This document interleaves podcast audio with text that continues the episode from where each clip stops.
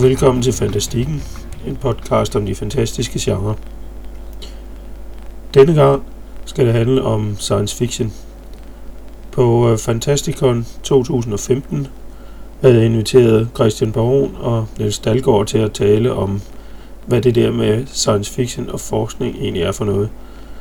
Øh, desværre så havde jeg lidt problemer med lyden, så øh, et stykke ind i optagelsen kommer der noget støj ind over, og det har jeg forsøgt at fjerne så godt jeg kunne, men jeg beklager, at det lykkes ikke helt. Så synes jeg, du skal starte, Niels, for du har været med læ- længst. Okay, så kom igen om en halv times tid. ja. Nej, øh, ja, jeg, jeg øh,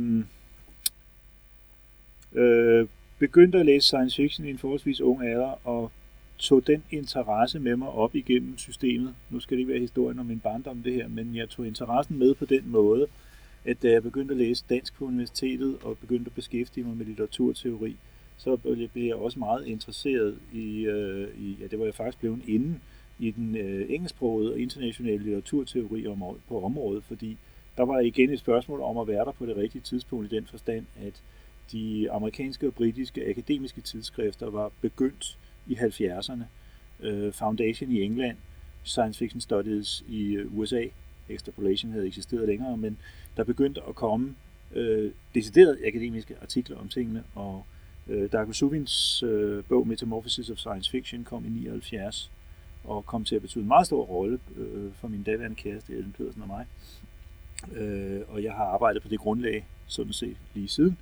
Øh, så gik jeg så først i gymnasiet, og så på, nej, der havde jeg været på gymnasiet. Der gik jeg så på universitetet, og øh, efter forskellige karriereskift, så havnede jeg som dansk studerende, og endte med at skrive først magisterkonferens, og derefter Ph.D.-afhandling om science fiction.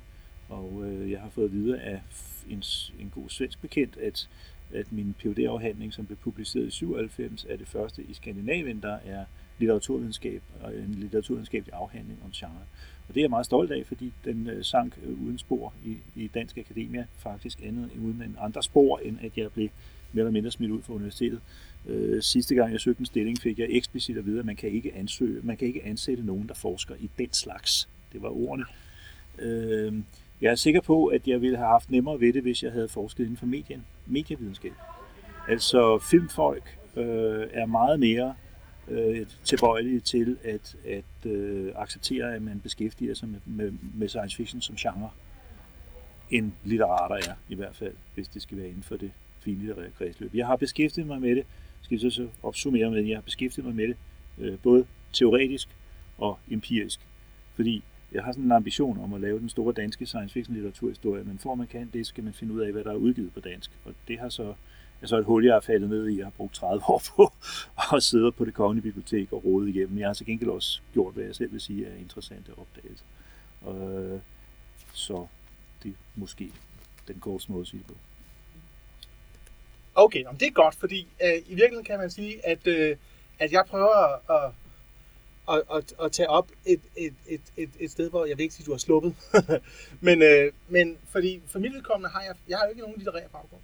Øh, jeg er oprindelig biolog, og så har jeg en bachelor i filosofi, og så har jeg i mange år undervist i, øh, hvad hedder det nu, øh, i videnskabsteori og etik for forskellige studerende på forskellige primære, eller først naturvidenskabelige fag, men senere også øh, over i, øh, i sådan nogle teknologifag, sådan som nanoteknologi og øh, molekylær biomedicin for eksempel. Og hvad hedder det nu? Øh, og så er jeg øh, egentlig øh, øh den, dengang du startede din universitetskarriere, så rendte jeg rundt som skoledreng på bibliotekerne med science fiction. Og så havde jeg faktisk ikke mange år, hvor jeg ikke rigtig læste. Øh, men det, der så er sket, det er, at, øh, at øh, øh, jeg efterhånden er kommet ind. Jeg er ansat som adjunkt på teknologi ude på Aalborg Universitet i Sydhavn. Og det er sådan et tværfagligt miljø, som beskæftiger sig med øh, alle mulige problemstillinger omkring udviklingen og anvendelsen af teknologi og den viden, som det er baseret på. Og øh, der er det blevet klart, jo mere jeg er kommet tættere på de her problemstillinger, at øh, mange af for eksempel de etiske problemstillinger, som man øh, skal forholde sig til i forbindelse med udvikling af teknologi, der har man brug for science fiction. Og det er ikke, altså, der er mange grunde, forskellige grunde, vi så står det ikke sådan en eller anden, det handler bare om teknologi.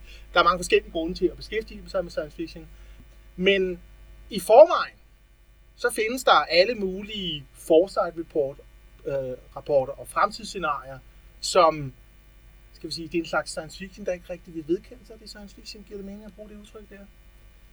Og de er ikke mere pålidelige end, øh, hvad ved jeg, øh, nogle af de ting, der kom, er kommet fra Arthur C. Clarke. Så, øh, så min tilgang, eller mit ønske om, en, om, om at gå til science fiction, det er i virkeligheden, og der kan man så sige, og det synes jeg ligger i lidt i forlængelse af, når jeg sidder og læst også de ting, som du har skrevet, at det er blevet klart en ting, og det er, at, øh, at med den reaktion, som, øh, som, øh, som science fiction har i de finlitterære kredse, så er science fiction for vigtig til kun at overlade til litteraterne. og, øh, øh, og hvad hedder det nu? Øh, og det er de stille og roligt også begyndt at få øh, øh, fornemmelsen af inden i etisk råd, hvor jeg har sådan nogle kontakter, som, øh, som øh, og i forbindelse med sådan en, faktisk en, der er noget materiale omkring, og de brain stimulation er, er bad de faktisk Svend Madsen om at skrive en science fiction historie op. Det. Uh. Den skulle nok have været øh, nomineret måske til Nå, det er for sent nu. Øh, og, det, og, og det, der er min fornemmelse, det er, at i hvert fald den generation, der selv tilhører akademikere, så er der måske en større åbenhed over for at øh, gå ind i den her genre og diskutere den i forhold til forskellige formål. For eksempel også omkring bæredygtighed, som er sådan et det er også noget, som er et tema for valg, eller burde være et tema for valg, men det er i hvert fald en noget, som øh, man øh, beskæftiger sig med på rigtig mange steder i forskellige forskningsmiljøer i alle mulige øh, rammer. Og der er øh, science fiction en, et, eller det kan være et bidrag, fordi der taler om forandringslitteratur. Så øh, det er min, min korte version. Halvkorte. Men er det så mere en sådan slags øh, anvendelse af science fiction, end det sådan er studere science fiction i sig selv, eller hvordan egentlig det, det, altså med hensyn til fagetikken og, og andre ting i det? Ja, altså uha, det er et godt spørgsmål, ikke? fordi at for eksempel så, øh, altså i, det, vi, øh, Niels er med på en antologi, som jeg er redaktør på, og som øh, forlaget Springer nu har sagt, at de gerne vil udgive, øh, hvad hedder det nu, øh, så det kommer på et eller andet tidspunkt, øh, og det er selvfølgelig forskningsbaseret, øh, og det, hvis vi tager det her som eksempel, ikke? så kan man så sige, at Niels' bidrag, det er en gennemgang af Kim Stanley Robinsons øh, politiske filosofi, øh, og hans tilgang til blandt andet bæredygtighed og sådan noget. Og jeg har, fordi jeg er redaktør, så har jeg det privilegie, jeg har to artikler. Ikke? Øh, det kan man nogle gange. Det gælder om at få noget på CV'et. Ja, øh, øh, og de handler faktisk begge to om Alien, altså filmene. Og jeg vil så sige, at den anden af de artikler, den handler i virkeligheden om overlevelsesetik. Og jeg ved ikke rigtig, hvordan det svar er, fordi det er en gennemgang af de, den, øh, kan man sige, nogle af de besk- etiske beskeder, så at sige, som jeg synes, jeg kan finde i den første Alien-film og som har at gøre med, hvordan man agerer i overlevelsessituationer. Hvad hedder det nu? Øhm, og måske kunne man have lavet en tilsvarende analyse af den der sådan, The Martian, som vi har haft her i, i, øh, i formiddags. Kunne man sikkert jo. Og det er, en, øh, det, er, det er mange ting på en gang. Det er selvfølgelig en, øh, et forsøg på at analysere Alien-filmen, som er fra endnu en vinkel. Den er blevet analyseret fra alle mulige vinkler. Øh, men samtidig er det faktisk også indirekte en kommentar til noget af den etiske debat, der foregår omkring sundhedsteknologi. Fordi mange af mine kolleger, de taler om stigmatisering som et problem. Og øh, det er ikke fordi, jeg ikke mener, at stigmatisering kan være et problem. Altså det, at man for eksempel udskrejer bestemte minoriteter for, at de er noget, at de afviger, eller man sygeliggør dem, eller hvordan det nu er. Men det, der var det interessante ved det her, det er, at der findes en diskurs, en politisk diskurs, øh, som jeg kan se som være informeret af den her idé om overlevelsesetik. Hvor at det er ligegyldigt, hvordan folk føler i forhold til det, man siger. Hvor det, der er deres pligt, det er altså, et rigtig godt eksempel, det er soldaterne på slagmarken. Ikke? Hvad hedder det nu? Øh, og, og, og, og sergeanten øh, skælder ud på de menige og, og, og kalder dem bøsserøv og nære, og jeg ved ikke, hvad vedkommende kalder dem. Øh, øh, og det vil vi sige er stigmatisering. Men det, der så at sige inden for den logik, er, øh, hvad hedder det nu, øh, det væsentlige, det er jo, at de gør, som de bliver besked på, og deling overlever. Så det har primat. Giver det mening, det her? Mm-hmm.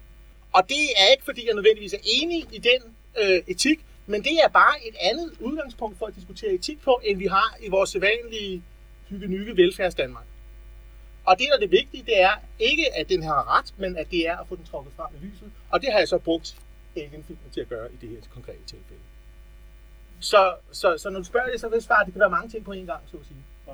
Man skal også passe på, undskyld, jeg lige bliver provokeret af det eksempel der, ja. fordi øh, man kunne jo forestille sig en teknik, hvor delingen overlevede, uden at øh, de blev kaldt bøsrøver, røvhuller og nære ja. og hvad det ellers var af grimme ting. Ikke? Altså man kunne sige, at ved at trække det frem og demonstrere, at der er den etik, så kunne man også øh, sætte den til debat. Ikke at delingen ikke skal overleve, fordi jeg er inde i, inde i primatet, på, står du på en, en, en, en slagmark, så vil du gerne hjem i et stykke, og helst uden med faren mange andre stykker i. Men kunne man ikke øh, lade være med at roe folk altså på den måde? Ikke? Altså, Præcis. Og, jeg, og hvis jeg må fortsætte den vej, vil jeg så sige, at øh, altså, helt en af humlen til, at vi har den her antologi, er jo netop, at det er et bud på, at der kan komme forskellige bud på, hvad man kan trække ud etisk øh, af den her. Og jeg har som redaktør selvfølgelig skrevet den her, fordi jeg blandt andet vidste, at, øh, øh hvad hedder det nu, Niels skrev øh, om Kim Stanley Robinson, som har. Men jeg synes, det jeg synes, det er interessant, at det er den vinkel, der, der, der ligesom bliver lagt på det, at, at man, øh, laver, nogen ville nedsættende ville kalde en symptomallæsning af, af teksterne, fordi science fiction, det har været en af mine pointer hele tiden, er, at ligesom al anden litteratur afspejler den den verden, den er blevet til i.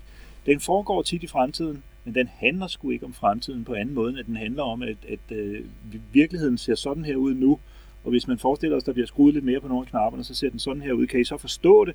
Altså, øh, advarende science fiction for eksempel, ikke? Som, altså Kim Stanley Robinson, som jeg er meget begejstret for, fordi han er en af de få amerikanske forfattere, der skriver, det, det er så absurd, fordi øh, han har en anden holdning end, end, øh, end præsidenten, og derfor bliver han udskrevet som en politisk forfatter, mens at, at alle dem, der skriver ligesom Robin Heinlein, og er mindst lige så politiske, de bliver bare set som, som defaults øh, tingene. Ikke? Og der synes jeg, at hans forfatterskab er ekstremt vigtigt, både fordi at det er nogle gode bøger, han skriver, men, men fordi han også synliggør resten af genrens, øh, den store dele af den amerikanske del af genrens øh, default holdninger, også er holdninger, ikke? og er mindst lige så politiske. Altså, øh, men det er bare dem, man er vant til ligesom at se, når man læser andet op. Ikke? Og nu skal vi slet, slet ikke komme ind på hele diskussionen om Hugo'erne her, men, Men, øh, men nej, og jeg har altid læst science fiction, hvad skal vi sige, ligesom al anden litteratur, jeg har læst det kontekstuelt, det vil sige op imod, hvordan ser verden ud i, den, i forfatterens samtid? Hvad er det egentlig, der, reager, der bliver reageret på? Ikke? Måske derfor jeg ikke er så, dårlig, øh, så god til at læse lyrik, altså det, det man kalder central lyrik, hvor det handler om, om lyrikernes øh, eget jeg. Altså det kan man også lave analyse på, hvor man finder ud af, at den jeg-opfattelse ser altså anderledes ud nu, end den gjorde i 1700-tallet. Men, men, men det er stadigvæk det bliver meget navlepillende. Ikke? Det er mere interessant for mig, at, at, at, at vi for eksempel nu, også jeg ja, sådan lidt sociologisk, ikke? At, at lige nu er der helvedes mange af dem, som med et forkert udtryk bliver kaldt dystopiske ungdomsromaner. Øh, det er, der er mange af dem, der ikke er dystopiske. De fleste af dem er bare postkatastrofiske, men det, det er sådan en teknisk detalje. Men hvorfor er der det lige nu? Det er ikke rigtigt, som nogle journalister skriver, at det er noget, der først er kommet nu, fordi det har været der siden 70'erne. Men, men, men hvorfor er der så meget af det lige nu? Ikke? Da jeg sad og rode med, med det, der hedder de kulørte hæfter, som er den nærmeste, vi havde, havde til polkmagasiner i Danmark, som var sådan nogle billige kiosk nogen. Det var ikke tegneserier, men det var med, med, med tekst i. Noget var oversat, og noget var dansk skrevet. Så kunne jeg jo konstatere, at i, i mellemkrigstiden og, og, og omkring 1. verdenskrig for eksempel, så var der mange flere gale videnskabsmænd i de hæfter, som henvender sig til de lavere sociale lag og til børn, end der var i den science fiction, der blev skrevet for voksne øh, middelklasselæsere. Hvorfor er øh, arbejderen og den ikke helt uddannede mere bange for videnskaben på det tidspunkt end funktionæren. Altså sådan nogle ting. Ikke? Øh, jeg har ikke noget umiddelbart svar, men jeg synes, det var, det var nogle meget markante øh, tal, der kom frem. Så den slags vinkel synes jeg også er interessant. Og så er der selvfølgelig helt bortset fra det min personlige fascination af genren, som jo også gør, der går fint, at det lige lortet. Ikke? For identificeret så meget som muligt og få lavet lister og bibliografier og alt sådan noget der. Ikke? Men, øh, um specielt Darkusumins øh, teorier. Øhm, kan du forklare lidt om, øh, hvad, hvad, hvad du synes, det giver at, at, at have en teoretiker som Sumin ind over? Og, når man ja, først vil jeg sige, at, at jeg, øh, jeg var til Worldcon i London sidste år. Der købte jeg den her øh, af en fyr, der hedder Andrew Milner. Den hedder Locating Science Fiction. Den er kommet på Liverpool University Press i 2012, tror jeg. Mm. Øh, og for det første så bliver jeg mindet om, at det har været lidt væk fra, fra de akademiske tidsskrifter i, i nogle år, fordi altså, der er sket noget i mellemtiden. Men for det andet, som han selv skriver i sin indledning, så synes han egentlig, det er fascinerende, at Suvins øh, værk og teori 24 år efter, at den, den kom frem på engelsk første gang, stadigvæk er hovedredskabet.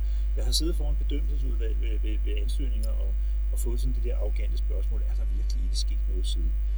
Og han går altså igennem, hvad der er sket siden, øh, som i høj grad har med, med i virkeligheden med, med, med flueknipperi på, på, på den marxistiske litteraturs venstrefløj. Ikke? Altså Frederick Jameson er uenig med Suvin på så så mange måder, og hvem fanden var den anden, altså også en af de andre store kanoner, ikke? og han diskuterer op imod, men han, det ender hver gang med, at okay, Suvins grundlæggende idé, jeg skal nok fortælle om den lige om et øjeblik, den bliver forlænget og brædder i nogle retninger af den ene og nogle retninger af den anden, og der er selvfølgelig nogle huller et eller andet sted, men det er stadigvæk basalt set ideen om, at man kan se science fiction som defineret ved, at den består i en interaktion mellem kognition og mærkværdiggørelse, jeg skal nok fortælle på to sekunder, hvad det er, øh, øh, centreret omkring et novum. Øh, særligt det der novum-begreb, som er det, der er i teksten, der gør tekstens verden ny og anderledes end læserens verden, øh, er utrolig, øh, det skriver Wiener også her, og Wilmer også, er utrolig nyttig i en analysesammenhæng, og det er klart, at den er også enormt nem at undervise efter, ikke? fordi her er en tekst, hvad er novummet, Øh, og øh, det der med mærkværdiggørelsen, det er sådan et, et, et, et, et begreb, han har hentet fra de russiske formalister via Bertolt Brecht, som snakker om, at, at en tekst, øh, vi kan meget kort sige, det er ikke en virkelighedsefterlignende tekst. Der er sket noget med den her verden, som gør den mærkværdig. Øh, han bruger navnet under, under udtrykket estrangement. Øh, Brecht kaldte det Verfremdung. Øh, de russiske formalister kaldte det Ostermanenje, men det kan blive meget indviklet og forklare nuancerne i det. Så det er, det er derfor, jeg foretrækker mærkværdiggørelse, fordi det er sådan, ligesom, fremmedgørelse betyder nemlig noget andet på dansk mm. også, ikke? Det, det, øh, så anyway, han har en fodnote et eller andet sted om, hvad det burde hedde på tysk i stedet for, men det, det, det bliver meget forvirrende alle sammen. Og man kan sige, at både science fiction og fantasy er mærkværdiggjort litteratur, fordi de foregår i universer, som ikke er vores univers. Men når han siger, at science fiction adskiller sig fra fantasy ved, at den mærkværdiggørelse er kognitivt funderet, så betyder det, at det er øh, en mærkværdiggørelse, der er i overensstemmelse med, med vores moderne naturvidenskabelige verdensbillede.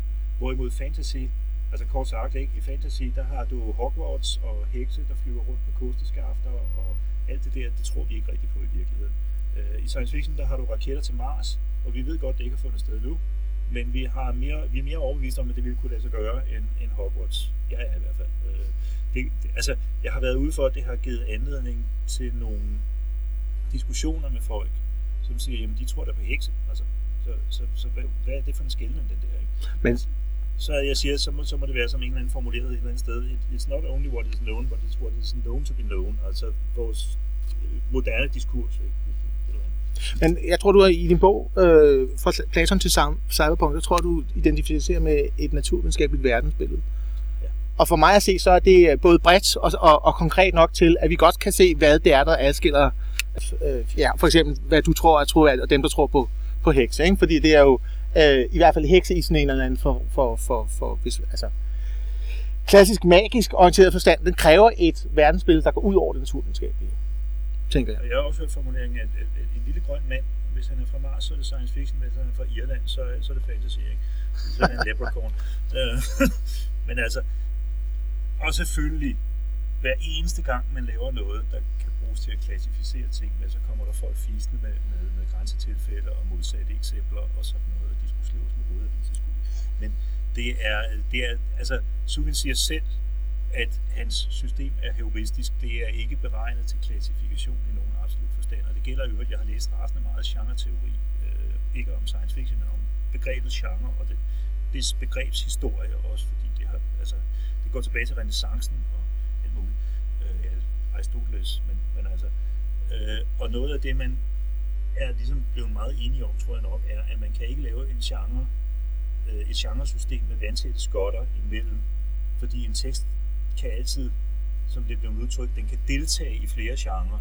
Den, den, kan ikke, den tilhører ikke nødvendigvis kun én genre, men den kan deltage, for den kan bruge elementer fra andre genrer. Altså, noget af det, vi ser i øjeblikket, er jo mainstream-litteratur, der bruger science fiction-greb i store mængder. Det kan man også gøre sig nogle overvejelser over, hvorfor det sker. Men, men, men, øh, og nogle gange er det, er det forfattere, der gør det helt bevidst, og andre gange er det forfattere, der ikke aner, hvad de har med at gøre. Øh, men, men der kommer tit nogle sjove ting ud af det, og så kan man vælge at læse det som science fiction, men man kan også vælge at læse det som noget andet, altså. øh, og, og derfor sådan den der, der er sådan en, den der absolut, jeg findes det gamle med et jeg vil gerne have det absolut passer sammen og hænger sammen i kasser og sådan noget, men jeg må gang på gang erkende, at sådan, virkeligheden lader sig ikke rigtig styre af. Men det betyder jo ikke, at en teori ikke kan, kan give gode pejlemærker. Og, og Sumins begreber er, bliver stadigvæk brugt, fordi de er så handy og fordi de er så gode til at, øh, at, at, at dissekere en tekst og analysere den og skille den i de aspekter af den, man, man sådan ligesom kan sige. Ikke? Fordi der er så, okay, nordrummet her, det, det er så det og det, men, men, men øh, den måde, de agerer på, det er så en plot-type, det er så ikke Suvin, men det er så Altså, der foregår en plot-type i et univers, der er defineret af en novum, og så har du sådan en helt systematik allerede der. Ikke? Øh, modsat de før i tiden, hvor man havde sådan en slags enumeration af, af motiver. Ikke? Science fiction, jamen, det er robotter og raketter og øh, en 3-4 ting. Ikke? Og helt bortset fra, at man altid har på når der så kommer nogen med noget nyt, øh, så skal du amende det hele tiden. Ikke? Så må man sige, at en enumeration er altså ikke en, en definition. Det, det må du vide om også. Det, det må du sådan set vide mere om, end jeg gør, når du ved mere om videnskabsteori. Ja, altså, jeg er ikke helt sikker på, at det er den del, der har været over men, det, jeg, ja. jeg tror, det giver, det giver klart noget mere. Jeg skal jo tilføje, at jeg selv, altså nu er jeg kommet til det her, til science fiction fra den her baggrund, så jeg har sådan set øh, læst og vil egentlig slugt øh, den samme forståelse af science fiction, som den, du, du giver frem her. Øh, med det, altså at for det første, at, at det at, at et værk ikke defineres med, at det er en genre, men det deltager i en genre, og for det andet også den her forståelse af science fiction, så forbundet med novum og Fremdung osv. osv., osv. Øh, I øvrigt synes jeg, det er meget interessant, at, øh, at, øh, at hvis man kigger på den interesse, der har været på science fiction, så er vi jo i en situation, hvor at der er et større vindue til science fiction og interesse for science fiction i den akademiske verden, øh, end der måske har været siden vel egentlig den kolde krig og den nye bølge, tænker jeg. Er, det, er, det, er du enig i det? Altså jeg vil sige, at, at uh, som en af mine venner engang formulerede det, i 1900-tallet faldt sommeren i anden halvdel af 60'erne, uh, øh, eller foråret, tror jeg det var, han kaldte det, men fordi der var en periode, hvor, hvor der var en tilnærmelse, hvor, hvor uh, i hvert fald i den, i litteraturverden, ja.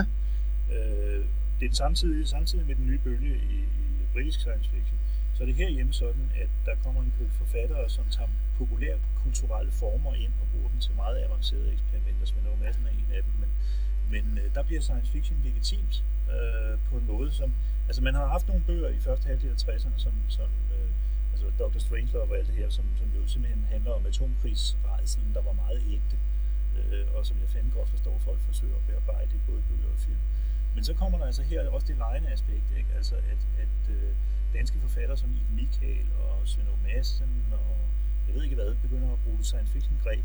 Nogle gange til at skrive science fiction, men andre gange til noget andet, tror jeg nok. Øh, og vi får en formidler som nylig afdøde Jannik Storm, og, og, og, og stadigvæk levende Arne Haller Petersen, som kunne, kunne formidle, især Jannik Storm kunne formidle det i det fine litterære kredsløb. Ikke? Han lavede bøger, der kom på Skyldendal og på Rodos og, og alt muligt. Og det var Brian Aldiss og Michael Moorcock og J.G. Ballard, ikke? Som, som også kom i Vindkærs øh, kiosk-serie. Så, så der var en fusion, eller en, en jeg skulle sige, vindue imellem, som du sagde. Øh, og tror, der kom noget, der kom noget med cyberpunken i, i som noget til Danmark der omkring 90 også, men fordi det, det kunne læses i en post, postmoderne øh, diskussion i, i den fine litterære verden. Så, så Gibson er blevet udsat for også danske litteraturvidenskabelige analyser øh, med, med, med postmodernitetsteori out the wazoo, altså. Øh, så, så det, det, det nogle gange så rammer det ind i et eller andet, der passer ind i et eller andet. Øh, og, og man kan sige, det ville være rart at vide, hvad det var, så man kunne planlægge med det, men, men det, det er så mange forskellige faktorer, synes jeg. Altså, jeg kunne godt komme med et forsøg på et bud, men, altså på, på, på hvad der så at sige åbner døren nu. Ja. Men jeg er nemlig heller ikke sikker på, at det er døren til den litterære akademiske verden, der er blevet åbnet. Det ved du nok mere om.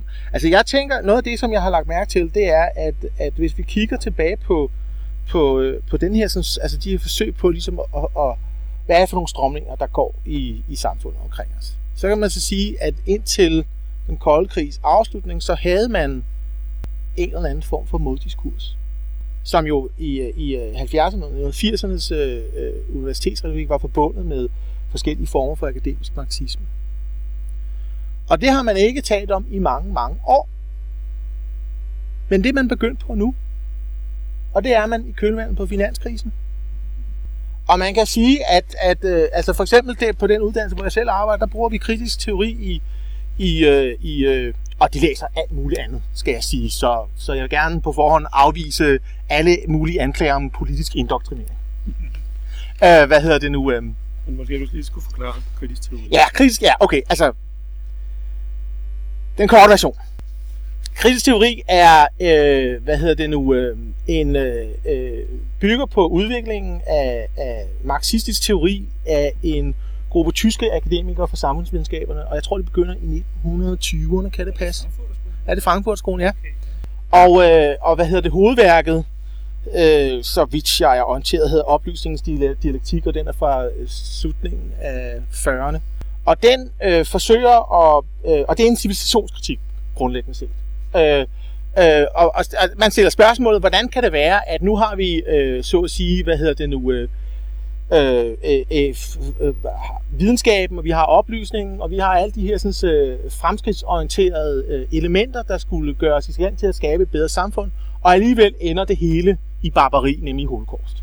Og, og der kommer, og så vidt jeg orienterer det første gang, det er en tanke, der dukker op igen og igen, blandt andet hos Anna Arndt, men den her tanke om, at, at barbariet, øh, civilisationen bærer så at sige kimen til barbariet internt i dens interne dynamik. Vi bliver ikke bedre mennesker nødvendigvis. Øh, hvad hedder det nu? Øh, men øh, af, af teknologiske fremskridt, vi bliver bare mere effektive, og det vil sige, sige også, at grusomheden bliver mere effektiv, så at sige. Det er så er særkendende for Frankfurtskolen, det er, at det bliver øh, formuleret i en marxistisk ramme, hvor man også adresserer magtforhold. Og det er det, som, som øh, man kan sige er, er den akademiske arv fra Marx i, nu tror jeg, maler med en meget, meget, meget bred pensel. Det er en, en god sans for, at når der er for eksempel øh, øh, øh, organisationsstrukturer af en eller anden type, så er der et hierarki. Der er nogen, der graver, og der er nogen, der får at vide, hvad de skal gøre. Og det kan godt være, at det bliver skjult. Det bliver det også på det moderne arbejdsmarked med selvkørende hvad hedder det nu, arbejdstager og ideen om, at vi alle sammen skaber vores egen skab. Men de her magtstrukturer dukker op alligevel igen og igen. Og det forhold, det er nok noget af det, der gør, at, øh, at den her, sådan, det her perspektiv, det bliver ved med at være relevant. Fordi det kan godt være, at man nedbryder nogle magtstrukturer, men så opstår der nogle nye, og ovenikøbet kan gårdsdagens Øh, dem, der sad på bagerste række, det kan være dem, der så at sige, er, er morgensdagens magthaver, så at sige.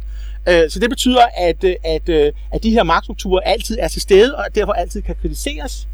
Og så kan man så sige, måske en periode, hvor man har haft, øh, faktisk en periode, hvor vi har haft meget den her så forestilling om, at nu havde vi, altså i vores arbejdsliv for eksempel, havde vi, var vi sådan set frie til at gøre, hvad vi ville, og det var måske også forbundet med en højkonjunktur. Så derfor har vi måske et stykke af vejen kunne leve i illusionen om, at der ikke var nogen magtforhold. Og nu kan måske, folk måske godt se, hvorfor at det her perspektiv så dukker op i kølvandet på en finanskrise. Ikke? Hvorfor hvad sker der, når krisen der? Det er, så begynder de her magtforhold at dukke op til overfladen igen. Og det tror jeg er en af grundene til, hvorfor at øh, den akademiske verden er begyndt, eller dele af den, så at sige, er begyndt at kaste over den. Af dem, der arbejder med arbejdsliv, for eksempel. Øh, også dem, der har at gøre med teknologiudvikling. Fordi øh, brugen af teknologi kan også øh, øh, øh, rulles ind i de her diskussioner omkring magtforhold. Øh, Tænk bare på diskussioner omkring overvågning. Hvad bruger vi internettet til? Øh, så, så det her med at udvikle og designe teknologi, som, øh, som, øh, som måske er lidt smartere i forhold til, hvem det er, der har magten, så at sige. Det er også en af de, øh, altså hvis man kan tale, tale om, så at sige, øh, de etiske overvejelser i forbindelse med udvikling af ny teknologi. Øh, så de ting øh, kan i hvert fald være forbundet, og er det for nogen. Og, og, og så skal man altså lige huske på, at, at, at nogle gange så tænker vi teknologiudvikling som noget, et eller andet teknokratisk, så sætter folk sig ned, og så gør de bare, hvad man nu kan. Men sagen er den, at når man udvikler ny teknologi, så foretager man nogle valg om, hvad det er, man vil udvikle. På Aalborg Universitet, hvor jeg sidder til daglig, så øh, har de her nye, nyere ingeniøruddannelser, de har navne som bæredygtig design og bæredygtig bioteknologi. Og det her ord bæredygtig, det er jo et, altså et etisk og politisk valg, så at sige. Ikke? Hvad er det for en bioteknologi? Hvad er det for nogle designs, man skal lave? Øh, så i den forstand, så er der nogle perspektiver, der smelter sammen. Øh, og hvor det her kritisk teori er så, så en af de perspektiver, der kan være nyttige. Ikke? Hvorfor kom vi til at tale om det? Jeg tror, vi kom øh, fra noget med, om, om, om øh, man sådan, ja, om, men så, hvorfor? at man kunne bruge den form for Ja, nu kommer vi til den. Fordi pointen er nemlig selvfølgelig, at i, i denne her tilgang, så er der en forestilling om, at vi har brug for utopierne. Vi har brug for at forestille os, hvordan magtforholdene kan være anderledes, end de er. Og det åbner jo en ladeport for sådan noget som science fiction, eller rettere en del af science fiction, vil ret beset, det skal være præcis. Altså, jeg synes, det er utroligt spændende, fordi jeg gik på universitetet i 70'erne og 80'erne, og øh, jeg oplevede det skift der hvor man skulle starte med, at ligegyldigt hvad ens opgaver handlede om, så skulle der stå noget om, om øh, profitratens tendentielle fald, fordi det havde Marx fundet ud af. Og så, så var det ligegyldigt, hvad fanden øh, ens øh, analyse gik på, men det der skulle være med. Ikke? Og 10 år senere, så skulle der stå noget om tegnets ustabilitet. Uanset hvad helvede ens opgave handlede om, og uanset hvad ens analyse gik ud på. Der var simpelthen en fast afsnit, man mere eller mindre skulle selvfølgelig med sin egen formulering have med hver gang, og det skiftede bare. Og jeg, jeg, jeg har hele tiden sagt, at øh, det var rimeligt, at man gjorde op med, med den strømning, der hed ideologikritikken, eller rettere sagt med dens excesser, men fordi de var, de var virkelig langt ude, nogle af dem, men det har alle den slags akademiske strømninger altså været. Når de er på toppen, så, så, så er der altså, nu skal vi se, hvad vi kan med det her, ikke? så kører det derudad fordi man smed altså for mange børn ud af det badevand der. Og jeg synes, det er rigtig spændende, at det via det, man nu kalder kritisk teori, øh, som vi jo også læste dengang, der hed det bare øh, Frankfurterskolen og Adorno Horkheimer og, og det er de samme. Kluge og alt det der, ikke? Øh, og kritik der var en æstetik af Wolfgang Fritz Haug, som var nogle, en af de første, der lavede analyser af sådan noget med, hvordan er varerne stillet op i et supermarked. Altså, som, som jo også er noget med, at alle folk dengang troede, at de står bare som de står, men nej, de står sgu fordi, og, altså, og, og det skrev danske specialer, inspireret af det der med en, en analyse af bevidsthedsindustri og Irma og sådan nogle ting, ikke? som, som øh, hvorfor, hedder, hvorfor hedder vinen nonneblod, ikke? Altså, øh, jo, det gør det sgu da, fordi det associ- bringer associationer i gang til en hel masse ting, ikke? Øh, barfodet jenter på Nordsbjerg, whatever, et eller andet. Men jeg har altid synes, og jeg har altid selv i min egen praksis haft, som jeg siger, den der kontekstlæsning, som, som ligesom, øh, og Suvin er jo marxist, altså i, i hvert fald i egen forståelse, ikke? At, at, øh, at, at der er et kritisk potentiale. Og nu siger du dele af science fiction, det er selvfølgelig rigtigt, fordi genren har eksisteret i så mange år og, og blevet mm. drevet i så mange sammenhænge, at der selvfølgelig findes, der findes jo meta science fiction, der findes science fiction, der er skrevet, fordi det er sjovt at sige, hvad kan vi gøre med en, en, en, en alien i Valby, eller altså alt sådan noget. Ikke? Der, er, der, er, der er et meget lejende element i det, som der er i, også i mange andre litterære genrer. Men øh, jeg kom til at tænke på, at, at da vi snakkede om marxisme i midten af 80'erne, og, og den slags ting, der snakkede vi i høj grad om utopi, som øh, var hvad skal jeg sige, den samfundsvidenskabelige del af science fiction, hvor man forestiller sig andre måder at indrette samfund på. Og du, du nævnte, jeg kan ikke huske, om du brugte ordet, men, men der blev snakket meget om frem, øh, fremtidsværksteder på det tidspunkt, altså hvor man satte sig i princippet og, og kastede nogle idéer op og smed rundt med dem og se, hvordan skulle det så være. Ikke? Og jeg læste Ernst blog, som var en tysk marxist og, og nærmest har skrevet hovedbogen om utopien, deres princip Hoffnung i tre meget tyske tykke bind. Øhm, han var fagfilosof, det vil sige, de, øh, de har det med at opfinde sproget undervejs. De skal hele tiden definere nye termer. Og så var ja, anyway. Men øh, jeg er ret meget en fan af blog, øh, men han var ikke sådan lige til at med at gøre. Men han snakker nemlig om utopien, og han var interessant i forhold til den meget dominante del af den marxistiske tænkning, som var, havde et meget udbredt fantasiforbud på det tidspunkt. Der var nogle interessante diskussioner. Øh, inden for børnelitteraturforskning var der en eller anden øh, vred øh, dansk børnebogsforfatter, der snakket om, vi skal ikke have flere talende dyr, fordi folk, dyr taler ikke i virkeligheden, det giver børnene et forkert billede af virkeligheden. Øh, mens at andre sagde, men det kunne da godt være, at man kunne bruge den der fantasi til, til, til øh, noget kreativt. Ikke? Og noget af det blog siger, det er en af grundene til, at vi har ordet forestilling, tysk forestilling, det er, at vi ligesom stiller noget foran os. Og det der, der hvor det bliver interessant, det er også der, hvor han angriber Marx Engels brug af termen utopisk socialisme, som de er meget super på. Øh, det er en af grunde til, at marxister har haft fantasiforbud. Ikke? Det er deres angreb på Fourier-traditionen. Ikke? Det er, at man skal kigge på vejen af rigten. Hvordan kommer vi herfra og hertil? Så er det, det bliver politisk. Ikke? Fordi alle kan lave en vision om, at jeg vil gerne leve et sted, hvor der er gratis slik og gratis øl, og man ikke bliver syg og fed af det. Ikke? Men hvordan får vi det bygget? Ikke? Så er det, det flytter sig fra at være en privat dagdrøm, som blog også skriver meget om, og til at blive en utopi i en, en samfundsvidenskabelig forstand. Der synes jeg, at, at der er en, et element af science fiction, som, som øh, eller et aspekt af science fiction, som, og det var jo også, altså i 80'erne herhjemme var det jo her, at feministerne opdagede utopien. De troede, de havde opdaget noget nyt, men det havde de jo så ikke, men, men altså, hvor de begyndte at skrive mere eller mindre læselige utopiske romaner om, hvordan de gerne ville have verden indrettet man kan vel, vi kan vel egentlig gå lidt tilbage til 70'erne med nogle af de der sådan, øh, utopiske... Altså, Ja, det, det slog først igennem i Danmark i begyndelsen. Ja, nå, i Danmark selvfølgelig, Ja, ja. Fordi en af de ting, som jeg blandt andet har lagt mærke til, det er jo, at jeg har jo kolleger, som har vidt forskellige udgangspunkter. Jeg har også nogle af dem, som, som er meget velbevandret i feministisk videnskabsteori. Og der er det jo helt tydeligt, at bare, altså, de er jo 10 år bagud i forhold til den feministiske science fiction.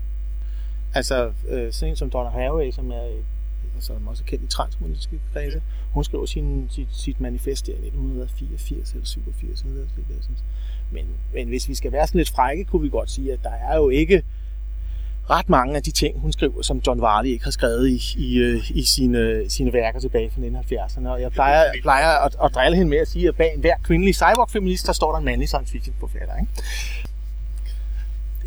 Og, og, og, og, og, og, det, er- det er sådan set ikke fordi, at, at øh, altså, hun, altså, når man læser Hathaway selv, så anerkender hun, altså, hun, hun refererer til John Wiley, så hun, hun har hentet det et sted fra, så skal det så siges, hun refererer for eksempel også til, hvad hedder hun nu? Octavia Butler, øh, som en anden af sine inspirationskilder, ikke? Så, så hvad hedder det nu? Øh, så, så, så, så, så, det er, så det er jo helt tydeligt, at, at, at, den, at den måde, især den gren af feminismen har udviklet sig på. Det, Men, men øh, det, måske øh, kan vi så springe lidt her. Øh, jeg tænker på øh, forskellen på at være en, som øh, forsker i science fiction, og en, der øh, giver kritik, eller måske endda anmelder science fiction. Altså, hvor, hvad, øh, er det forholdsvis flydende grænse, eller ser I nogle skarpe grænser der?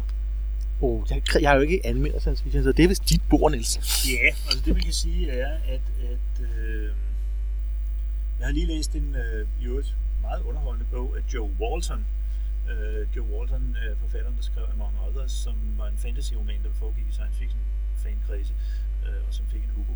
Øh, men hun har skrevet en samling, eller lavet en samling af sine blogindlæg. Hun har skrevet på tor.com over nogle årrække, hvor hun har skrevet, øh, øh ikke anmeldelser, siger hun, fordi det handler om bøger, hun har genlæst. Øh, og den hedder What Make This Book So Great. Og øh, selvom jeg ikke er enig med hende på alle punkter, var det en fornøjelig bog at læse.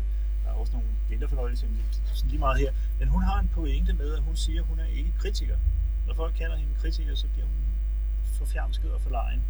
Fordi kritik for hende er noget, der foregår i akademiske tidsskrifter og, og i dialog med andre akademikere. Hun har en akademisk uddannelse, men det er et, et andet fag, og hun føler ikke, at hun er litterat nok til at være med i det. På den anden side, så synes jeg, at det er noget pjat, fordi det kommer an på, hvad man forstår ved ordet kritik, eller kritiker. Ikke? Fordi øh, hvis vi, på dansk bruger vi det også som dagbladskritiker, ikke? og det gør de jo altså også på engelsk. Sådan egentlig. Så, og, og jeg synes ikke, altså man behøver at have en akademisk uddannelse for at være dagbladskritiker. Det er der så mange, der har, men, men, men der er jo også mange, der har det, fordi de øh, er kærester med litteraturredaktøren, eller hvad fanden det er, et eller andet. Ikke? Øh, det kommer også an på, hvad man forstår ved, hvad, hvad, hvad, en, hvad en dagbladets anmeldelse skal. Fordi hvis en anmeldelse er en forbrugsvejledning, så er det noget andet end den akademiske kritik, som finder sted i tidsskrifter som Proxima og sådan noget, hvor man må efter min mening sagtens kan sige, det her det er en fed bog, gå ud og køb den, eller det her er en dårlig bog, lad være at købe den, men som, hvor man helst ligesom skal argumentere for den på, på en lidt anden måde, end at den har et flot omslag, eller, eller sådan noget. Ikke? Nu karikerer jeg det, fordi den slags trykker vi jo selv i men, men, men altså, at, at man ligesom fortæller om bogen, og fortæller om, om, øh, om den på et kvalificeret niveau. Men jeg synes ikke, at, at jeg synes skillelinjen er flydende, altså. Øh, der er selvfølgelig forskel på det, og så på egentlig analytiske artikler, eller, eller teoretiske artikler, men, men det er jo så fordi, det, det, er, det er noget andet end anmeldelser igen, eller øh, en, en, en, en kritik på den måde. Ikke? Det er så også blevet lidt forvirrende, fordi at, at, at man på engelsk også begynder at bruge øh, criticism om critical theory og, og, og sådan noget, ikke? Og, og nogle af de der postmoderne folk, eller dekonstruistiske folk, gik rundt og sagde, at det de beskrev, det var, det var, det var theory og criticism og sådan noget. Så, så, så terminologien er meget blød. Jeg synes, jeg synes jo, at, at man godt kan gøre begge dele. Altså, men jeg, jeg ved ikke, om jeg bevidst tager en anden hat på, når jeg sætter mig ned og laver en, en lang analyse af en bog, end når jeg skriver en, en, en, anmeldelse på en anden side. Altså, det ved jeg ikke. Men det er vel også noget, jeg tror, det der, korte svar var, at det, det er flydende. Men det er vel også noget, der er meget traditionelt for science fiction, at man har nogle fans, som også bevæger sig over på det Lige præcis. område. Og som Samuel Delaney, der selv både er forfatter og kritiker, engang har sagt, at det, der karakteriserer science fiction, blandt andet er, at der er et uformelt kredsløb. Altså nemlig fanzines og nu sikkert blogs og alt muligt. Og jeg synes ikke, det gør tingene mindre kritiske, at de befinder sig i et øh. Der er selvfølgelig folk, der har skrevet i deres private fanzines, den her bog er dum, ikke? Altså forfatteren lugter, ja, eller sådan et eller andet. Men der er også folk, der i fanzines, både på engelsk og på dansk, har skrevet meget kvalificerede ting. Så, så, så, så jeg synes ikke, at mediet skal være det determinerende. Jeg kan godt forstå, hvorfor det i nogle optikker bliver det, men, men det er forkert, ikke? Og man kan jo vel supplere også at sige, at, at i den altså, såkaldt finlitterære verden, øh, eller bare almindelig reduktionelt arbejde, så er der også ting, der, der, der størkner undervejs. Ikke? Manuskripter, der bliver afvist, fordi det var ikke lige øh, øh, redaktørens kop te, eller manuskripter, der bliver afvist, fordi følgebrevet ikke lige var redaktørens kop te. Ikke? Og jeg siger det, fordi jeg selv har en erfaring med, nu er jeg så ude på min fjerde forlag med en af mine manuskripter, ikke? og det der, der var det sigende, det var, at, øh, at, øh, at, at hvad hedder det nu, jeg har to gange sendt den, hvor jeg har fortalt, at der var tale om science fiction. Og der har jeg fået tilbage efter relativt kort tid. Men øh, så har jeg sendt det samme manuskript øh, til to forlag, øh, og hvor den ene er så stadig i, hvor jeg så har fortalt, at der er et forsøg på at, øh, at øh, øh, skrive en øh, socialrealistisk kriminalroman. Ja. og det er det samme manuskript. Øh, og, som, og det også er en, øh, en, øh, en, øh, en, en jeg kan kort fortælle Tysk, Tyskland har en verdenskrig, en klassiker, øh, og vi følger så en, øh, en Gestapos efterforskningsleder, der forsøger at opklare mor her i København. Og, sådan noget. Øh, og det er jo en kriminalroman. Men det, der bare er pointen, det er, at, at jeg har fået en meget mere seriøs behandling de to gange, hvor jeg har skrevet det andet. Øhm, og det, ja, så man, og det var, vi har sådan set bare brugt som eksempel for ligesom at fortælle, at der, spørgsmålet er jo selvfølgelig, er det, er det, er det fansize, eller, øh, der, der gør, det er jeg ikke så sikker på. Måske er det bare sådan, ikke? Altså, du havde, jeg kan ikke huske, hvad det var for en panel, vi havde fat i i går, hvor vi, hvor vi snakkede om Kurt Vonnegut. Fordi øh, han startede jo faktisk med at skrive science fiction magasiner, og der stod en nekrolog om ham i Locus, da han døde for nogle år siden, at, at han faktisk stadigvæk var taknemmelig nok for at have været i Galaxy for at kunne lide det og sådan noget. Men han er jo kendt for en udtalelse om, at han, han øh, i en årrække har været en, en øh, modstræbende beboer af en arkivskuffe med navn Science Fiction, og den vil han gerne ud af, fordi de fleste kritikere betragter den som en urinal. Og, og, og det du siger der tyder jo på, at han ikke, øh, altså ikke er helt ved siden af. Der er ikke gået røg uden, uden nej. Nej, nej. Og nu skal man selvfølgelig ikke skære alle over en kamp. Det er ikke alle, der har den fordom, men jeg må sige, at jeg har mødt mange, der... Og når jeg siger fordom, så mener jeg, at folk åbent erklærer, at sådan noget læser de aldrig, og det kan de ikke lide. Og så, så man siger, hvordan kan de vide det, når de aldrig læser det? Ikke? Altså, at, at folk vil ikke engang, vil ikke engang argumentere for. Altså, jeg synes bestemt ikke, at alle skal kunne lide science fiction. Det ville faktisk være en meget uhyggelig verden, hvis alle kunne det. Men at man i det mindste argumenterer for, hvorfor man afviser en hel genre ubeset det, det, det, det er det, jeg støder på gang på gang. Og, og her er vi faktisk tilbage til noget af det første, nemlig at, at det var en af grunden til, hvorfor at, at jeg kom til at tænke, at man kan ikke overlade science fiction, at det er for vigtigt til at overlade bare til litteraterne, ikke? Ja. Fordi at, at, at, at, at det er et kredsløb, som også har er lukket et stykke af vejen, og som har nogle bestemte normer, og som derfor kigger på den her genre, øh, eller det her sætter genre med nogle bestemte briller på godt og ondt. Men jeg tænker, eller jeg har et sidste spørgsmål. Ja. Øhm, altså jeg ved, I begge to har rodet lidt med os at, at skrive science fiction. Og hvordan, hvad er sådan forholdet mellem de to ting? Har I sådan uh, en to hatte, hvor I så kan skifte og blive til nogle andre personer, eller hvordan gør I det? Det vil jeg gerne starte med. Altså jeg har jo, øh, det første, det, svaret på det sidste er nej, jeg har ikke to hatte. Mm. Øh, og alligevel jo. Hvad hedder det nu? Øh, for mig at se, så er øh, så er min science fiction, jeg er jo ny i faget i den forstand, at jeg kun har været i gang de sidste 4-5 år. Og det er, øh, og, og, og, og jeg har været så heldig at komme igennem med, med et par, to-tre noveller øh, til nogle af de her antologier. Og det jeg, kan, jeg, jeg, jeg har kunnet, det er, at jeg har jo haft en høj læringskurve. Så det vil så sige, at jeg har undervejs jo opdaget øh, diskussioner, alle mulige elementer i den, i den science fiction verden. Øh, for eksempel blandt andet ved at læse Niels' øh, værker på området som har inspireret mig til at gå bestemte veje. Og som, øh, som så for eksempel opdager jeg jo øh, den her sådan, øh, gamle øh, utopiske sovjet-tradition, øh, som det kan sådan, som Solaris og nogle af de der sovjetiske øh, filmer, eller den der roadside øh, picnic af hvad hedder det, Strugatsky-brødrene. Og, og så tænker jeg, kunne ved, om man kunne lave noget af den slags. Der kan man så sige, øh, og den kom faktisk de sidste kæreste på månen, den der, synes, det var nogle kommunistiske tidsrejser, ikke? Og det er sådan noget, øh, hvor jeg selvfølgelig har fået nogle idéer fra at, at vide noget om genren, vide hvad der var lavet før, og få nogle idéer til nogle historier, som synes selv kunne være sjov at skrive.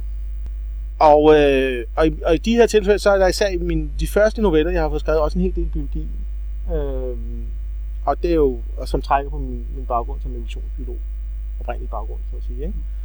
Men jeg ved ikke, jeg tænker, altså jeg tænker, man samler vel det op, som man møder på sin vej, og så, hvis man så er akademiker og sidder i den akademiske verden, så er det en del af det, man møder på sin vej. Jeg skrev en håndfuld rigtig, rigtig dårlige noveller, i, da jeg var omkring 20 år, og eftersom jeg selv var redaktør af min egen fanzine, så blev det trygt, og det har jeg så fortrudt siden. Øh, da jeg så på et tidspunkt begyndte at, at producere seriøs øh, kritik og akademiske artikler, så tænkte jeg, at det her det er en stensikker måde at blive slået i røven med, med sine egne principper på, hvis man, hvis man skriver fiktion også. Så hvis jeg nogensinde skulle gøre det igen, så ville det blive undersøgt.